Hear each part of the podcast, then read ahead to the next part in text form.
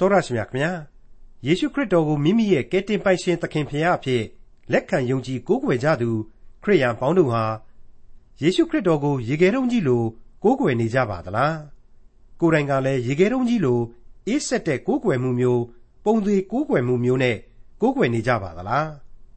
အဲ့ဒီလိုကိုးကွယ်မှုမျိုးနဲ့ကိုးကွယ်နေကြတဲ့ခရိယန်တွေရှိကြပါတယ်ဒီလိုမဖြစ်ရဘူးဆိုတာကိုတော့ခရိယန်တွေသိကြတာပေါ့ ဒီကနေ့ တချို့ခရိယန်တွေရဲ့ ယေရှုခရစ်တော်အပေါ် ယုံကြည်ခြင်းဟာ အခိုးအငွေ့လို အငွေ့ပြန်ပျောက်ကွယ်လွယ်တဲ့ ယုံကြည်ခြင်းမျိုး ဖြစ်နေတာကိုလည်း တွေ့ရပြန်ပါတယ်။ကျင့်စဉ်တွေကို အသေးဆုပ်ကင်ထားတဲ့ ကိုးကွယ်ခြင်းမျိုးလည်း မဟုတ်ရပါဘူး။ဘုရားရှင်ရဲ့ နှုတ်ကပတ်တော်တမန်ကျမ်းစာကို ကိုယ့်ရဲ့ တထွာတမိုက်လောက်သာရှိတဲ့ ဉာဏ်လေးနဲ့တွေးပြီးအတိတ်ပဲဖွင့်ဆိုကြတဲ့ အဘိဓမ္မာကြီးတွေဒသနာကြီးတွေနောက်ကို ကောက်ကောက်ပါအောင်လိုက်ပြီး အတွေးစာချဲ့တဲ့ ကိုးကွယ်ခြင်းမျိုးလည်း မဟုတ်ဘူးဆိုတာကို တွေ့ရမယ်ခရိယန်တမန်ကျမ်းရဲ့ဓမ္မဟောင်းကျမ်းပိုင်းတွေကဟေရှာယနဂတိကျမ်းအခန်းကြီး59အခန်းကြီး58နဲ့အခန်းကြီး59တို့ကိုဒီကနေ့တင်ပြရသောတမန်ကျမ်းအစီအစဉ်မှာလေ့လာမှာဖြစ်ပါတယ်ခရိယန်တွေဟာအစာရှောင်ပြီးဆူတောင်းကြပါတယ်ဒါပေမဲ့အစာတော့ရှောင်ပါရဲ့ပြောရရင်ဥပုပ်တော့စောင့်ပါရဲ့ကိုနိုင်တဲ့သူတွေကိုတော့ဖိထောင်းနေတာမျိုးဟာစစ်မှန်တဲ့ခရိယန်တွေရဲ့အစာရှောင်ခြင်းလားဆိုတာကိုလည်း တွေ့ရမှာဖြစ်တဲ့ဟေရှာယအနာဂတိကျမ်းအခန်းကြီး59 58နဲ့59တို့ကိုဒေါက်တာထွန်းမြတ်အေးကအခုလိုလေ့လာသုံးသပ်တင်ပြมาဖြစ်ပါတယ်။သောတရှင်မိတ်ဆွေအပေါင်းတို့ခမညာတင်ပြရသောတမန်ကျန်သင်ခန်းစာများဟာဒီကနေ့အတွက်ဆိုရင်တော့ဟေရှာယအနာဂတိကျမ်းအခန်းကြီး59စတင်ရောက်ရှိလာပါပြီ။ မိษွေတို့အားလုံးသိပြီးတဲ့အတိုင်းပဲကျွန်တော်အခုလေ့လာနေတာဟာဟေရှာယအနာဂတိကျမ်းကြီးတစ်ခုလုံးရဲ့ဏိဂုံးပိုင်းအခန်းကဏ္ဍအတွင်းကကျမ်းများဖြစ်ပါတယ်နှစ်သိမ့်စီကြလောဆိုတဲ့ဘုရားသခင်ရဲ့ကျေးဇူးနဲ့ဂရုနာတော်ခံစားရခရစ်တော်၏နိုင်ငံတော်တည်ထောင်ခြင်းအကြောင်းတွေကိုအများဆုံးရည်စူးဖော်ပြနေတဲ့အပိုင်းဖြစ်ပါတယ် အဲ့ဒီအထက်မှာမှအပိုင်းငယ်ကလေးတွေထပ်ပြီးခွဲရမယ်ဆိုရင်ဖြင့်ငါဤကျွန်းငါဤသားသမီးများငါဤလူစတဲ့အခေါ်အဝေါ်တွေနဲ့အမြဲတမ်းအစဉ်ဘုရားသခင်ကျေးဇူးပြုတော်မူခဲ့သောလူမျိုးတော်ဣသရေလဆရာဟာဇာတိပဂရိလူသားအဖွဲ့အစည်းပြီးပြီဘုရားသခင်ဘက်ကနေဘယ်လို့မှအကျိုးအမြတ်မရှိတဲ့လူသားဘုရားသခင်အဖို့အရှုံးသာလျှင်ဖြစ်စေသောလူအဖွဲ့အစည်းဖြစ်လာတယ်။ဒါပေမဲ့အဲ့ဒီလူမျိုးတော်တဲကလူစားတိကိုခံယူသူဆိုတဲ့ကဲတင်ရှင်ကတော့ အဲ့ဒီရှုံးနေ၍ကြာဆင်းသွားသောလူအဖွဲ့အစည်းရဲ့အရှုံးတွေကိုခြေဖြက်ပေးုံသာမကသေးပဲနဲ့ကဘာတစ်ခုမိသားစုဆိုတဲ့ကြံလူလောကသားများအားလုံးတို့အတွက်ပင်ဖြင့်ကဲတင်ချင်းကျေးဇူးတော်နဲ့ရစ်ပတ်ပေးခဲ့တယ်ဆိုတာတွေ့ကိုဒီအနာဂတ်ရဲ့ဒီအပိုင်းဟာဖော်ပြပေးလျက်ရှိနေပါတယ်ဟုတ်ပါတယ်ဟေရှာယအနာဂတိကျမ်းအခန်းကြီး53အရာ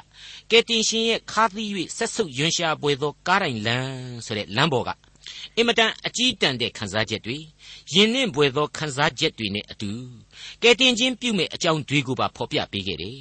ဆက်လက်ပြီးတော့လေလူမျိုးတော်ဣသရီလာသို့မဟုတ်လူမျိုးတော်တို့သီးသီးသန့်သန့်ဥတည်သောအနာဂတ်တွေတပါးမျိုးသားငါ့ကိုယုံကြည်သူများဆိုတဲ့ကဘာတစ်ခုမိသားစုလူသားများအားလုံးတို့အတွက်ကိုဖော်ပြတဲ့ဗျာဒိတ်အနာဂတ်တွေစသည်စသဖြင့်အခန်းလိုက်ခြားနာသွားတဲ့ရှေးရေးကိုညွှန်ပြသောကျမ်းအပေါင်းတို့ကိုကျွန်တော်လေ့လာမှတ်သားခဲ့ကြပြီဖြစ်ပါတယ် ကျမ်းတွေအကုန်လုံးဟာလက်လန်းမမီသောအနာဂတ်ရေးများတာဖြစ်လေတော့အသေးစိတ်မှတ်သားရင်လိုရင်းကိုတိုတိုရှင်းရှင်းမှတ်လို့ရတာမှန်ပါရဲ့လူသားရဲ့အုံနှောက်တစ်ခုအတွက်ရှုပ်ထွေးလွန်းပြီးတော့အလွန်နားထွေးသွားနိုင်တယ်။အနှစ်သာရကိုမရနိုင်ပဲဖြစ်လိမ့်မယ်လို့ဓမ္မသုတေသီအများစုကယူဆသလိုကျွန်တော်သင်သိရသောတမန်ကျန်အဖွဲ့ဟာလည်းခန်းစားရပါတယ်။ ဒါကြောင့်လဲအနှစ်သာရကိုသာဦးစားပေးရင်းနဲ့ကြမ်းများကိုစက်တိုက်လေ့လာတဲ့နီးခေါင်းစဉ်ငယ်များသီးသန့်မခွဲကြတော့ပဲနဲ့စုပေါင်းဆက်ဆက်တဲ့နီးတွေကိုကျင့်သုံးခဲ့တာပါဆိုတာကိုမိษွေတို့နားလေခံယူနိုင်ကြလိမ့်မယ်လို့ကျွန်တော်ထင်ပါတယ်ဒီကနေ့ဖို့မှာလဲဖြောက်မှတ်သောလူသားနဲ့မမှန်မတရားပြုသောသူတို့ရဲ့နှိုင်းရှင်ချက်သရုပ်နဲ့စတင်ဖော်ပြသွားအောင်မယ်အခန်းကြီး58ဟာဘယ်လိုဝိညာဉ်ရေးအနှစ်သာရတို့နဲ့ရှိနေပြန်တယ်ဆိုတာကိုစတင်အကဲဖြတ်ကြည့်ကြပါစို့ဟေရှာယအနာဂတိကျမ်းအခန်းကြီး58 အငယ်1နဲ့2ဖြောင့်မတ်သောသူသည်ဆုံး၍ကျေးဇူးပြုတတ်သောသူတို့သည်ပယ်ရှားခြင်းကိုခံရသောအခါဖြောင့်မတ်သောသူကိုမကောင်းသောအမှုအရာတွေကရုပ်သိမ်းပြီးဟုအဘယ်သူမျှမစင်ခြင်းအဘယ်သူမျှမအောက်မေ့ကြ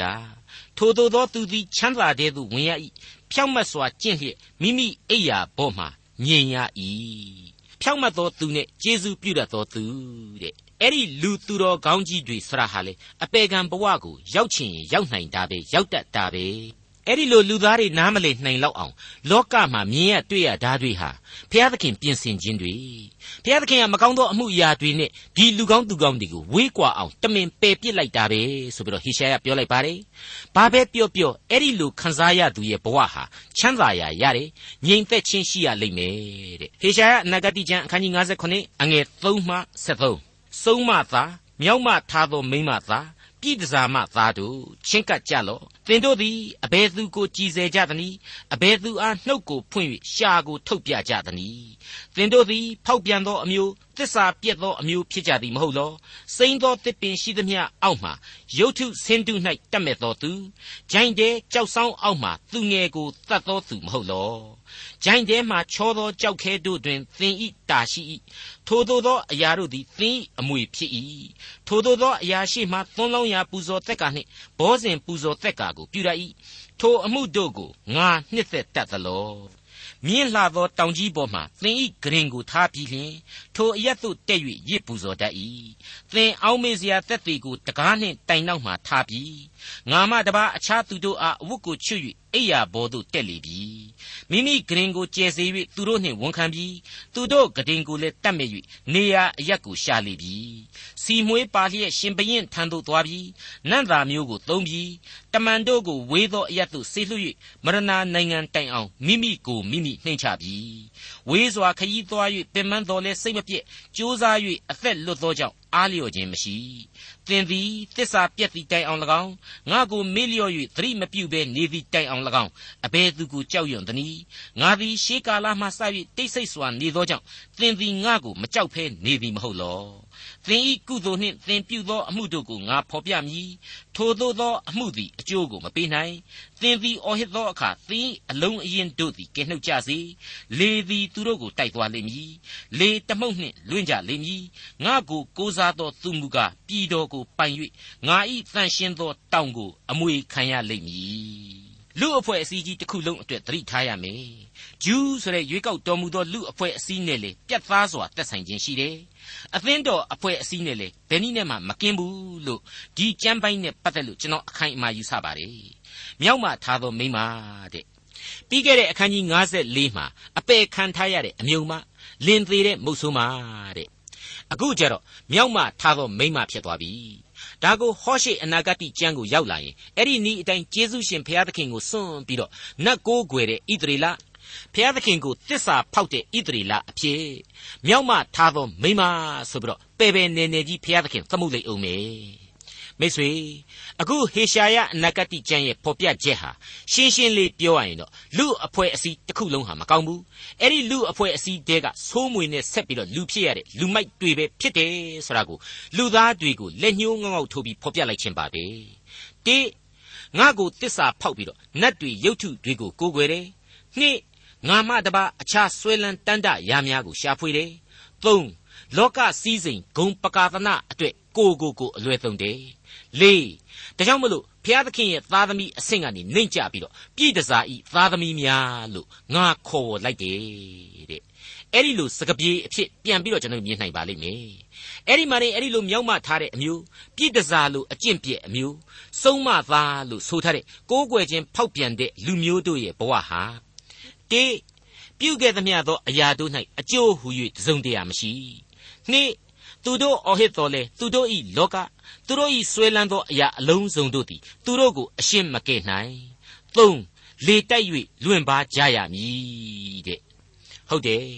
အဲ့ဒီဆိုးကြိုးတွေကိုသက်ရောက်စေရမယ်ဆိုပြီးတော့ဟေရှာယအလေးအနက်သတိပေးလိုက်ပါတယ်အဲ့ဒီအနာဂတ်နဲ့ဆန့်ကျင်ဘက်ကတော့ဘုရားသခင်ကိုကိုးစားသောသူများဆိုတဲ့ ကောင်းကင်နိုင်ငံတော်ကိုအမွေခံရမယ့်သူတို့ရဲ့အကြောင်းပဲ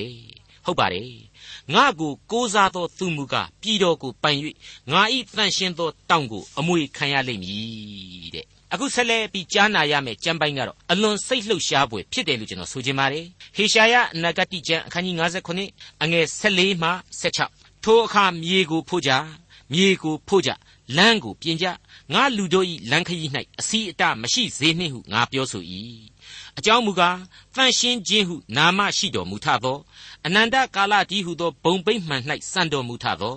အထွတ်အမြတ်ဖြစ်တော်မူသောဖျားမိန်တော်မူသည်ကားငါသည်မြင့်မြတ်တန်ရှင်းသောအရ၌နေ၏စိတ်နှိမ်ချသောသူနှင့် နှလုံးကြေကွဲသောသူတို့၏စိတ်ဝိညာဉ်အသက်ရှင်စေခြင်းဟာကြေကွဲနှိမ့်ချသောစိတ်သောရှိသောသူတို့၌လေငါနေ၏ငါသည်အစင်မပြတ်တရားတွေ့မည်မဟုတ်အစင်မပြတ်အမျက်ထွက်မည်မဟုတ်ထို့သောဟုတ်လျင်အသက်သည်ငါရှိမှပျောက်၍ငါဖန်ဆင်းသောဝိညာဉ်သည်ပျက်စီးခြင်းသို့ရောက်လိမ့်မည် အထက်တုန်းကကြမ်းပိုင်းတွေးမှဆိုရင်အဆိုးနဲ့အကောင်းနှစ်ခုတို့ရဲ့သဘောသဘာဝရဲ့အဆိုးနဲ့အကောင်းတို့အတွက်မတူညီသောအကျိုးပေးမှုတွေရဲ့ကိုအကြမ်းပြင်းကျွန်တော်တို့ဖော်ပြပေးခဲ့ပါတယ်အခုအချိန်မှကျတော့အကောင်းဘက်ကူသာရွေးချယ်ဖို့ပြင်ဆင်ကြပါဆိုတာကို ဟေရှာယမှတဆင့်လောကခရီးစဉ်လောကုတ္တရာခရီးစဉ်တစ်ခုလုံးအတွက်အတားအဆီးမရှိစေနှင့်ဆိုတဲ့ဝေါ်ဟာရကိုသုံးပြီးတော့ဖော်ပြပေးလိုက်ပါတယ်အဲ့ဒီလိုအတားအဆီးဖြစ်စေတဲ့အရာတွေဆိုတာကတော့စောစောကပဲတွေ့ကြရပြီးဖြစ်တဲ့သစ္စာဖောက်ပြီးတော့ကိုးကွယ်မှုများမှားယွင်းခြင်းတွေဘုရားသခင်ကိုညှင့်ပယ်တော်လှန်ခြင်းတွေလောကတတ်မဲ့ဆွဲလန်းခြင်းတွေပဲဖြစ်ပါတယ် တစ်ချိန်တည်းမှာကိုယ့်ရဲ့ဘုရားသခင်နဲ့ပတ်သက်ပြီးတော့သိဖို့ခံယူဖို့အချက်တွေကတော့ဘုရားသခင်ဟာတန်ရှင်းတော်မူတယ်။ထာဝရဘုရားဖြစ်တော်မူတယ်။စိတ်နှလုံးကြည်ကွဲသူနောင်တရသူတို့ကိုချစ်တတ်တနာစုံမဲ့တတ်တယ်ဆိုတာတွေ့ကိုပြောင်ပြောင်တင်းတင်းပဲဖော်ပြပေးလိုက်ပါတယ်။ဒီအချက်တွေကိုသိမှသာလျှင်လေကိုရှောင်ရှားရမယ်အတားအဆီးတွေကိုဘာကြောင့်ကိုရှောင်ရှားရမယ်ဆိုတာကိုသိပြီးတော့နားလည်စေပါလိမ့်မယ်။အရေးအကြီးဆုံးအနှစ်သာရအဖြစ်တွေ့ရတာကတော့သူ့ရဲ့ဂယုဏတော်ပါပဲ။ ဟုတ်ပါတယ်ငါသည်အစင်မပြတ်တရားတွေ့မည်မဟုတ်အစင်မပြတ်အမျက်ထွက်မည်မဟုတ်ထို့သောဟုတ်လျင်အသက်သည်ငါရှိမှပျောက်၍ငါဖန်ဆင်းသောဝိညာဉ်သည်ပျက်စီးခြင်းသို့ရောက်လိမ့်မည်တဲ့ဟေရှာယအနာဂတိကျမ်းအခန်းကြီး59အငယ်16မှ21အဆုံးအထိသူ၏လောဘလွန်ကျူးခြင်းအပြစ်ကြောင့်ငါသည်အမျက်ထွက်၍ဒဏ်ခတ်လေ၏အမျက်ထွက်၍မျက်နာကိုလွှဲလေ၏သူသည်လည်းမိမိအလိုရှိရာလမ်းသို့လွှဲသွားလေ၏ သူ၏အကျင့်ဒလေတို့ကိုငါမြင်ပြီးသူ့ကိုအနာပြောက်စေ၍လမ်းပြအောင်မည် သူ့ကို၎င်းသူနှင့်အတူစိတ်ညှိုးငယ်သောသူတို့ကို၎င်းချမ်းသာပေးအောင်မည်ငါသည်နှုတ်ခမ်းအသီးကိုဖန်ဆင်း၏ဝေသောသူ၌၎င်းနီးသောသူ၌၎င်းငြိမ်သက်ခြင်းဖြစ်စေငြိမ်သက်ခြင်းဖြစ်စေသူ၏အနာကိုငါပျောက်စေမည်ဟုထာဝရဘုရားမိန့်တော်မူ၏မတရားသောသူတို့မူကားမငြိမ်နိုင်ဘဲလှုပ်ရှား၍ရှွန့်နှင့်အမိုက်ကိုပက်သောပင်လေရည်နှင့်တူကြ၏မတရားသောသူတို့၌ငြိမ်သက်ခြင်းမရှိဟုငါ၏ဖျားသခင်မိန့်တော်မူ၏ မိတ်ဆွေအပေါင်းတို့မိုက်မဲခြင်းဒုစရိုက်လွန်ကျူးခြင်းဆိုတာဟာအဆရှိရင်အနောက်နောင်ပဲအတော်မသတ်နိုင်ဘူးဆိုတာကိုဖော်ပြသလိုအဲ့ဒီလိုမိုက်မဲခြင်းကိုလူသားဟာချုပ်တီးမိပြီဆိုတာနဲ့ဘုရားသခင်ရဲ့ဂရုနာတော်ကိုထိတွေ့ခံစားရမယ်အပြစ်တရားရဲ့ဒဏ်ရာကိုဆေးကြောတုတ်တင်ပေးနိုင်လောက်အောင်ဘုရားသခင်ရဲ့မေတ္တာတော်ဟာလုံလောက်တယ်ဆိုတာကိုဖော်ပြပေးလိုက်ပါတယ် မတရားသောသူတို့၌ငြိမ်သက်ခြင်းမရှိဆရာဟာလောကနိယာမကြီးတစ်ခုလိုခိုင်မာစွာအာနာသက်ရောက်လျက်ရှိနေကြောင်းတင်ပြပေးလိုက်ပါတယ်အခုအချိန်မှာကတော့ဟေရှာယအနာဂတိကျမ်းအခန်းကြီး58ကိုဆက်လက်တင်ပြဖို့ရှိနေပါတယ်ဒီအခန်းကြီး58ကစပြီးတော့အနာဂတိကျမ်းအဆုံးအထိတင်ပြချက်တွေဟာကျေးဇူးဂရုနာတော်အကြောင်းကိုအခြားကျမ်းများနဲ့အတူတူဖော်ပြသွားမယ်ဒါပေမဲ့ပုံစံအားဖြင့်တော့အနည်းငယ်ကွဲပြားခြားနားနေလိမ့်မယ်လို့ကျွန်တော်အနေနဲ့ကြိုတင်အစီရင်ခံနေပါတယ် ဟေရှာယနဂတိကျမ်းအခန်းကြီး58အငယ်1မှ3အဖန်မလျှော့ဘဲကြွေးကြော်လော့တဘိုးတန်ကဲ့သို့အဖန်ကိုလွှင့်၍ယာကုပ်အမျိုးသားဖြစ်သောငါ၏လူတို့အားသူတို့ဒုစရိုက်အပြစ်ကိုဖော်ပြလော့သူတို့သည်တရားကျင့်သောအမျိုးမိမိဖျားသခင်၏ပြည့်ညတ်တို့ကိုမစွန့်သောအမျိုးကဲ့သို့နေ့တိုင်းငါကိုရှာ၍ငါ၏တရားလမ်း၌မွေးလျော်ကြသည်တကားဖြောင့်မတ်စွာတရားစီရင်ချက်တို့ကိုငါထံမှအစဉ်မေးမြန်း၍ဘုရားသခင်ထံသို့ချဉ်ကပ်ရ၌မွေးလျော်ကြသည်တကား အကျွန်ုပ်တို့သည်အစာရှောင်ခြင်းအကျင့်ကိုကျင့်သောအခါကိုတော်သည်အဘယ်ကြောင့်မြင်တော်မမူသနည်းအကျွန်ုပ်တို့သည်ချိုးချံစွာကျင့်သောအခါကိုတော်သည်အဘယ်ကြောင့်သိမှတ်တော်မမူသနည်းဟုဆိုသောသင်တို့သည်အစာရှောင်သောနေ့၌ကိုယ်တိုင်ပျော်မွေ့၍ကျွန်တို့ကိုပင်ပန်းစွာလှုပ်စေကြ၏ကတိကသက်နော်မြင်သာထင်သာမရှိတဲ့အပြစ်တရားရဲ့ပုံစံတစ်မျိုးဖြစ်နေပြီတိတရားကိုကျင့်တယ်နှစ် တရားမှမွေ့လျော်တယ်သုံးဖျားသခင်ကိုလည်းရှာတယ်မဆိုးဘူးသိကောင်းတယ်တဲ့အဲ့ဒီသဘောကိုပထမဖော်ပြတယ်ပြီးတဲ့နောက်မှာတော့အဲ့ဒီလိုအကျင့်တရားသရုပ်တွေရှိတဲ့လူတွေဆိုတော့ကျွန်တော်အစာတွေရှောင်တာချိုးချံတဲ့အကျင့်တွေကိုကျင့်ခဲ့တာကိုဘုရားသခင်ကဘာကြောင့်အသိအမှတ်မပြုတာလဲဆိုပြီးတော့မေးတယ်တဲ့အဲ့ဒီမှာတင်အဖြေကပေါ်ထွက်လာတယ်အစာတော့ရှောင်နေကိုနိုင်ရမဲ့လူတွေကြတော့ဖိပြီးခိုင်းတယ် တနည်းအားဖြင့်ကတော့မေတ္တာတရားမပါတော့အကျင့်တရားဆိုပြီးတော့ဘုရားသခင်ကဆွဆွဲလိုက်ခြင်းပါပဲဟုတ်ပါတယ်သုတ်တန်ကျမ်းတွေမှာကလေးကဂယုဏအရာ၌ပင်ကြမ်းကြုတ်ခြင်းဆိုတဲ့အကြောင်းကိုကျွန်တော်တို့ဖော်ပြခဲ့ပါသေးတယ်အခုဆက်လက်ပြီးတော့ဟေရှာယရဲ့ဖော်ပြချက်ဟာရှင်းလင်းလာပါတယ်ပို့ပြီးတော့ပြည်ပြည်ပြင်းပြင်းဖြစ်လာစေပါလိမ့်မယ်ဟေရှာယအနာဂတိကျမ်းအခန်းကြီး58အငယ်၄မှ9 သင်တို့သည်ညင်းခုန်ရန်တွေ့လျက်အတ္တမလက်ဆုပ်နှင့်ထိုးလျက်အစာရှောင်ကြ၏မြင်သောအရ၌မိမိတို့အသံကိုကြားစေခြင်းဟာယခုကာလအခါအစာရှောင်ကြသည်မဟုတ်ငါနှစ်သက်သောအစာရှောင်ခြင်းသည်ထိုသို့သောလက္ခဏာရှိသလောလူသည်တရက်တွင်ချိုးကြံစွာကျင့်ခြင်းကိုင်းပင်ကဲ့သို့ဥချခြင်းအိယာဖို့လျှော်တေနှင့်ပြာကိုခင်းခြင်းလက္ခဏာရှိလျင်အစာရှောင်ခြင်းဟူ၍၎င်းထာဝရဘုရားနှစ်သက်တော်မူသောနေ့ရက်ဟူ၍၎င်းမှဲ့အပ်သလော ငါနှစ်သက်သောအစာရှောင်ခြင်းဟူမူကားမတရားသောအချီအနှောင်ကိုချွတ်ခြင်းလေးသောဝန်ကိုချခြင်းညှင်းဆဲခံရသောသူတို့ကိုလွှတ်ခြင်းထံပိုးရှိသမျှကိုချိုးခြင်းမဟုတ်လော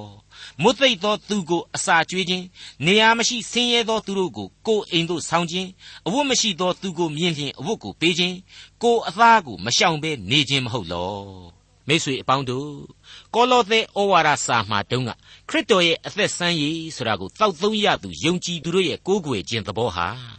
ရေခဲတုံးကိုကိုးကွယ်ခြင်းမဖြစ်ရဘူးရေခဲတုံးများလို့အေးဆက်မာကျင်သောကိုးကွယ်ခြင်းမဖြစ်ရဘူး ပုံသေးကိုးကွယ်ခြင်းမဖြစ်ရဘူးတစ်ချိန်တည်းမှာပဲအခိုးအငွေ့ပြန်လွယ်တဲ့ယုံကြည်ခြင်းလည်းမဟုတ်ရဘူးဆိုတာကိုဖော်ပြပါတယ်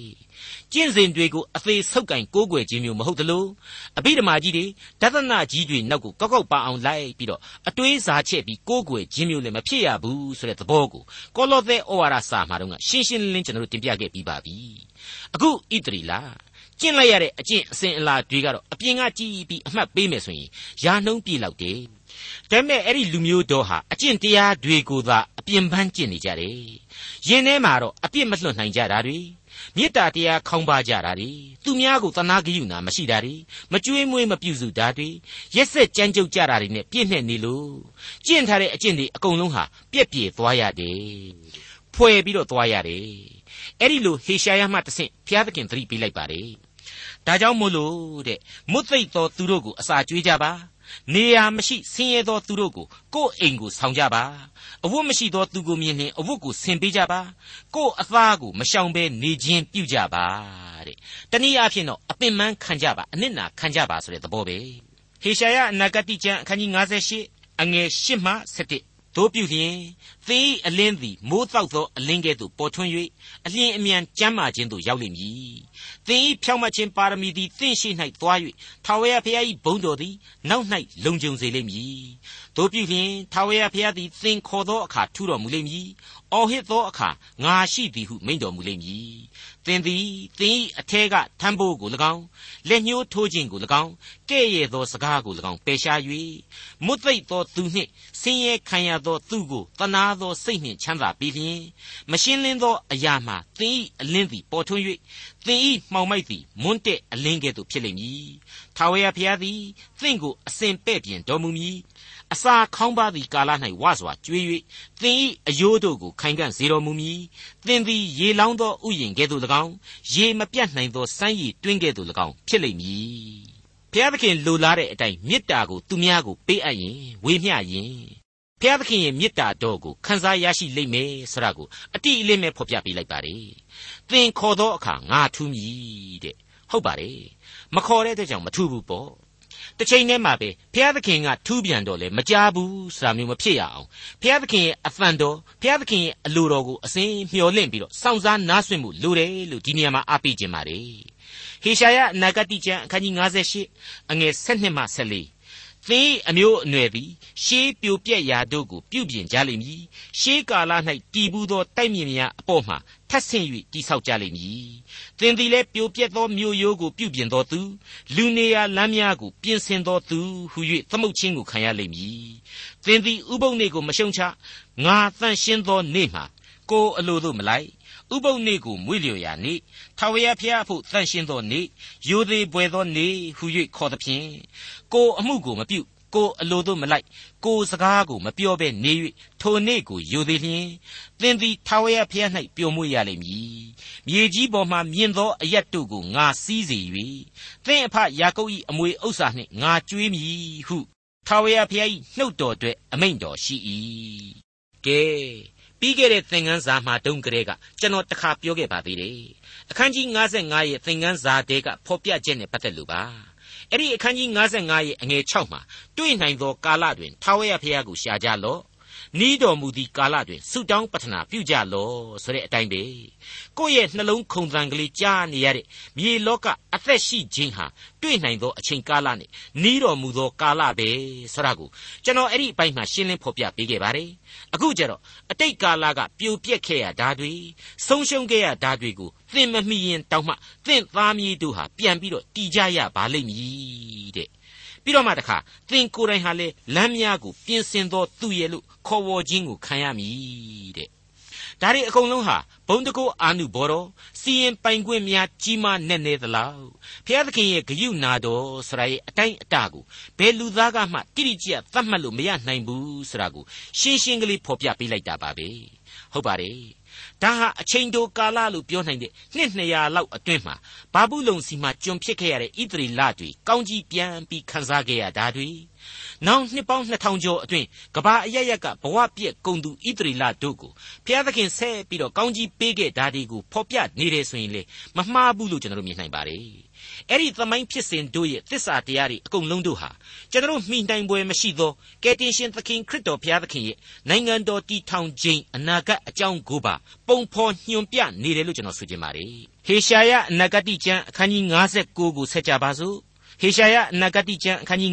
59အငယ်1မှ8ကြည့်ရှုလော့ ထာဝရဘုရားသည်မကယ်မတင်နိုင်အောင်လက်တော်တူသည်မဟုတ်မကြားနိုင်အောင်နားတော်ထိုင်းသည်မဟုတ်သင်တို့ဒုစရိုက်သည်သင်တို့ကိုဘုရားသခင်နှင့်ကြွာစေပြီးကြားတော်မမူစေခြင်းဟာသင်တို့အပြစ်သည်မျက်နှာတော်ကိုဆွဲစေပြီ သင်တို့လက်သည်အသွေးနှင့်၎င်းလက်ချောင်းတို့သည်ဒုစရိုက်နှင့်၎င်းညင်ညူးကြ၏သင်တို့သည်နှုတ်ခမ်းနှင့်ရှာအားဖြင့်မှုသာစကားအတ္တမစကားကိုပြောရကြ၏တရားကိုအဘယ်သူမျှမရှာသစ္စာကိုအဘယ်သူမျှမဆောင်အနတ္တကိုကိုးစား၍မှုသာစကားကိုပြောရကြ၏မကောင်းသောအကြံကိုပရိသေယူ၍အတ္တမအမှုကိုဖွာကြ၏သူတို့သည်မွေဆိုး၏အဥတို့ကိုဝတ်၍ပေါက်စေကြ၏ပင်ကူအမေးကိုလည်းရက်ကြ၏သူတို့ဥများကိုစားသောသူသည်သေတတ်၏ အဥကိုခွဲလျင်မွေဆိုးပေါက်တတ်၏သူတို့ရက်သောအမေးဖြင့်အဝတ်ကိုမလုပ်ရကိုအကျင့်နှင့်ကိုကိုမခြုံရကြသူတို့ပြုသောအမှုသည်အတ္တမအမှုဖြစ်၏သူတို့လက်၌ကြမ်းတမ်းသောအမှုရှိ၏သူတို့ခြေသည်အတ္တမအမှုကိုပြုခြင်းဟာပြေးတတ်၏အပြစ်မရှိသောသူ၏အသက်ကိုသတ်ခြင်းဟာလျင်မြန်၏သူတို့အကြံသည်အတ္တမအကြံဖြစ်၍သူတို့သွားရလမ်း၌ ပျက်စီးခြင်းနှင့်ဒုက္ခဆင်းရဲခြင်းရှိ၏ချမ်းသာလမ်းကိုသူတို့မသိကြသူတို့ခရီးသွားရာတွင်တရားမပါမိမိတို့သွားเสียဖို့ကောက်သောလမ်းတို့ကိုပြင်ဆင်ကြပြီလိုက်သွားသောသူမြည်သည်ကချမ်းသာကိုမသိရဖျားသခင်ကဂယုနာတော်မရှိတာမဟုတ်ပါဘူးနော်နားမကြားနိုင်အောင်ဥပက္ခပြုတာလည်းမဟုတ်ဘူးလူသားတွေရဲ့အပြစ်တရားကိုယ်တိုင်ဟာလူသားကိုစီရင်ခြင်းပဲဘသူမပြုမိမိမှုဖြစ်ရခြင်းပဲ အထူးသဖြင့်သိပြီးချီရီမိမိရှိနေတဲ့အခုအပိုင်းဖော်ပြချက်ကလေးကတော့ချမ်းသာလမ်းကိုမသိကြဆိုတဲ့အချက်ပါအဲ့ဒီလိုလူအဖွဲ့အစည်းရဲ့ချွတ်ချော်အားနည်းမှုဟာဘယ်လိုဖြစ်စေသလဲဆိုတာကိုအသေးစိတ်ဖော်ပြပေးလိုက်တာကတော့အငယ်30ကနေ15အတွင်းမှာပဲဖြစ်ပါတယ်ထို့ကြောင့်ဖြောက်မတ်စွာစီရင်ခြင်းသည်ငါတို့နှင့်ဝေး၏ တရားသည်လည်းငါတို့ကိုမမီအလင်းကိုမျှော်လင့်သောအခါရှင်းလင်းခြင်းမရှိရောင်ချီကိုမျှော်လင့်သောလဲမှောင်မိုက်၌သွာလာရကြ၏မမြင်နိုင်သောသူကဲ့သို့နေရန်ကိုစမ်းသပ်ရကြ၏မျက်စိမရှိသောသူကဲ့သို့စမ်းသပ်ရကြ၏ညအချိန်၌ဖြစ်တဲ့ကဲ့သို့မွန်းတဲ့အချိန်၌ထိမိ၍လဲကြ၏စီးစိမ်ကိုခံစားလျက်သေသောသူကဲ့သို့ဖြစ်ကြ၏ငါတို့ရှိသမျှသည်ဝန်ကဲ့သို့မြည်တမ်း၍ဂျိုးကဲ့သို့ညှဉ်းညူကြ၏တရားစီရင်ခြင်းကိုမျှော်လင့်၍မရကြကဲတင်ခြင်းကျေးဇူးကိုမျှော်လင့်ဘူးတော်လေငါတို့နှင့်ဝေးလာ၏ ငါတို့အပြစ်တို့သည် ရှေ့တော်၌များပြားကြ၏ဒုစရိုက်တို့သည်ငါတို့တစ်ဖက်၌တက်တည်ခံကြ၏ကိုအပြစ်တို့သည်ကို၌ဆွဲကပ်လျက်ကိုပြုမိသောဒုစရိုက်များကိုကိုသိကြ၏ထာဝရဘုရားကိုပြစ်မှားခြင်းညှင်းပယ်ခြင်းကိုပြု၍ငါတို့၏ဘုရားသခင်ကိုစွန့်ကြပြီညှင်းဆဲသောစကားပုန်ကန်သောစကားကိုပြောခြင်းမဟုတ်မမှန်သောစကားကိုအောက်မေ့၍စိတ်နှလုံးထဲကမွဲ့ဆိုခြင်းကိုပြုကြပြီဖြောင့်မတ်စွာစီရင်ခြင်းသည်ဆုတ်သွားပြီတရားသည်အဝေးကရပ်၍နေ၏ သစ္စာသည်လမ်း၌လဲပြီဖြောင်သောသဘောမဝင်နိုင်ရာသစ္စာသည်ပြက်ခဲ့ပြီဒုစရိုက်ကိုရှောင်သောသူသည်လူယူခြင်းကိုခံရ၏ထိုအမှုကိုထာဝရဘုရားသည်မြင်လျင်တရားမရှိသောကြောင့်မုန်းတော်မူ၏မိတ်ဆွေအပေါင်းတို့တရားရှိပါတယ်ဖះရှိခိုးပါတယ်ဥပုသ်ဆောင်ပါတယ်ကောင်းမှုတွေပြုပါတယ်ဆရာဟာလူလောကမှာကြားရနေကြသဘာဝလူပဲမကြားရဘဲနေဝင်တဲ့နေရရဲ့လို့မရှိဘူး အခုဟေရှာယဖော်ပြလိုက်တာကတော့နီးလျက်နှင့်ဝေးနေကြတယ်တဲ့အစာရှောင်ပြီးတော့ဆူတောင်းကြပါတယ်ဒါပေမဲ့အနီးဆက်ဆုံးကို့တပည့်သားမီးကိုတော့ဖိထောင်းနေကြတယ်မေတ္တာဂိယုဏအရာမှာပေါ့လျော့နေကြတယ်ဆိုတာမျိုးကိုတမျိုးတပါးသာပြောင်းလဲဖော်ပြတာပဲဖြစ်ပါတယ်ရောင်ချီကိုမျောလင့်တော်လေမှောင်မိုက်၌သွာလာရကြ၏တဲ့ကြည်စမ်း မျောလင့်တယ်ဆိုကြတဲ့ကစိတ်ထဲမှာဘယ်အရာကောင်းတယ်ဆိုတာကိုသိတော့သိသားပဲအဲ့ဒီကောင်းမှုကိုမလုံနိုင်တာကိုကကိုဟာဇာတိပဂရိဘက်မှာသာအာသန်နေတယ်ဆိုတဲ့အဓိပ္ပာယ်ပါပဲဒီနေရာမှာအင်မတန်ကြွယ်ဝချမ်းသာတဲ့လူတစ်ယောက်ကိုကျွန်တော်တွေ့ဘူးပါတယ်။ "तू မသေးခင်အချိန်မှတင် तू လှူခဲ့တဲ့အတိုင်းအတာပမာဏဟာသံပေါင်းများစွာတန်ဖိုးရှိလိမ့်မယ်။ ထိထိရောက်ရောက်လဲရှိတဲ့အလှူငွေတွေကြီးပါပဲအလှူတွေကြီးပါပဲ။ဒါပေမဲ့သူ့တူတူမအရင်ခောက်ခောက်တို့ဟာသူနဲ့မလှမ်းမကန့်မှာပဲနေပြီးတော့ဆင်းရဲမွဲတည်နေခဲ့တယ်။ဘဝပြည့်နေခဲ့ကြပါတယ်။အဲ့ဒါကို तू ပြစ်ထားတယ်။တောင်းနိုင်လွန်းလို့ပေးမယ်ဆိုရင်လည်းတပြားနှစ်ပြားပဲပေးတိုင်းလဲဂယုဏအရာ၌ပင်ကြမ်းကြုတ်သောစကားနဲ့ပြောပြီးမှပေးလိရှိတယ်သူ့ဘက်ကတော့ဘာကြောင့်သူဒီလူတွေကိုမသထာတာလဲဆိုတာဟာအကြောင်းရှိမှာပေါ့ဒါပေမဲ့ကျွန်တော်စိတ်ထဲရှိတာပြောရရင်တော့အဓိကအကြောင်းဟာမသထာတာပဲ အဲ့ဒီတော့သူ့မှာဘလောက်ပဲဖျားရှိနေနေတရားမရှိဘူးမမျှတဘူးလို့ကျွန်တော်ခန်းစားမိပါတယ်။အေယာမအဆောက်အုံကြီးတွေမှာသူ့ရဲ့နာမည်ဟာထင်ရှားပြီးကြံခဲ့သလိုသူစွန့်ပစ်ခဲ့တဲ့လူသားမြေးမြစ်တို့ရဲ့ဘဝပြည့်သရုပ်တွေဒုက္ခဆင်းရဲခြင်းတွေမှာလေသူ့ရဲ့နာမည်ဟာကပီးတင်ပြီးကြံရစ်ခဲ့သေးတာပဲလို့ကျွန်တော်တွေးပါတယ်။ထိုအမှုကိုထာဝရဘုရားသည်မြင်လျင်တရားမရှိသောကြောင့်မုန်းတော်မူ၏တဲ့အသေးရစရာကြီးနော်လူတွေဘလောက်ချစ်ချစ် ဘုရားကမုန်းတယ်ဆိုရင်သွားပြီဟေရှာယအနာဂတိကျမ်းအခန်းကြီး59အငယ်20နဲ့21ကိုကြော်ပြီးဖတ်ပြပါရစေထာဝရဘုရားမိန့်တော်မူသည်ကားရွေးနှုတ်သောသခင်သည်စီးအောင်တောင်ပေါ်သို့ကြွ၍မတရားသောအမှုမှလွှဲသောယာကုပ်အမျိုးသားတို့ရှိရာသို့ရောက်လက်တံသူတို့၌ငါကိုယ်တိုင်ပေးသောဗြိညင်တရားဟုမူကားသင်အပေါ်မှာကျင်းဝတ်သောငါ၏ဝိညာဉ်နှင့်သင်နှုတ်၌ငါထားသောစကားသည်ယခုမှစ၍ကာလအစဉ်အဆက်သင်နှုတ် သင်အမျိုးအနွယ်ဤနှုတ်နှင့်သင်အမျိုးအနွယ်ဤအမျိုးအနွယ်ဤနှုတ်ထဲကမထွက်မပြောက်ရဟုထာဝရဘုရားမိန့်တော်မူ၏ထာဝရဘုရားမိန့်တော်မူသည်ကားနဲ့စတယ်ထာဝရဘုရားမိန့်တော်မူ၏နဲ့ဆုံးတယ်ဒါကြောင့်အလွန်ပြင်းထန်တဲ့ပြည်ညင်ပါပဲ အဓိကအချက်ကတော့သူရွေးကောက်တော်မူတဲ့ဣသရေလလူမျိုးတော်ဟာကာလအစဉ်သူအလိုတော်ရှိသောတမိုင်းတလျှောက်ဆက်လက်တည်တံ့သွားရလိမ့်မယ်။ဘာဖြစ်လဲဆိုတော့သူ့ရဲ့နှုတ်ကပတ်တော်ကတစ္ဆာတရားတွေကိုဒီလူမျိုးတော်ကနေတဆင့်လူလောကတစ်ခုလုံးကိုသူသွန်သင်ခြင်းလို့ဖြစ်ပါတယ်။နားထောင်စေခြင်းလို့ဖြစ်ပါတယ်။ဒါကြောင့်မို့လို့လေအိုကောင်းကင်ကြားလော့အိုးမြေကြီးနားထောင်လော့ဆိုပြီးတော့ဆင့်ဆိုခဲ့တာပါဒေါက်တာထွန်းမြတ်၏စီစဉ်တင်ဆက်တဲ့တင်ပြတော်တမချန်းအစီအစဉ်ဖြစ်ပါတယ် နောက်တစ်ချိန်အစီအစဉ်မှာခရိယန်တမချန်းရဲ့ဓမ္မဟောင်းကျမ်းပိုင်းတွေကဟေရှာယနဂတိကျမ်းအခန်းကြီး60နဲ့အခန်းကြီး61တို့ကိုလေ့လာမှဖြစ်တဲ့အတွက်စောင့်မျှော်နားဆင်နိုင်ပါတယ်။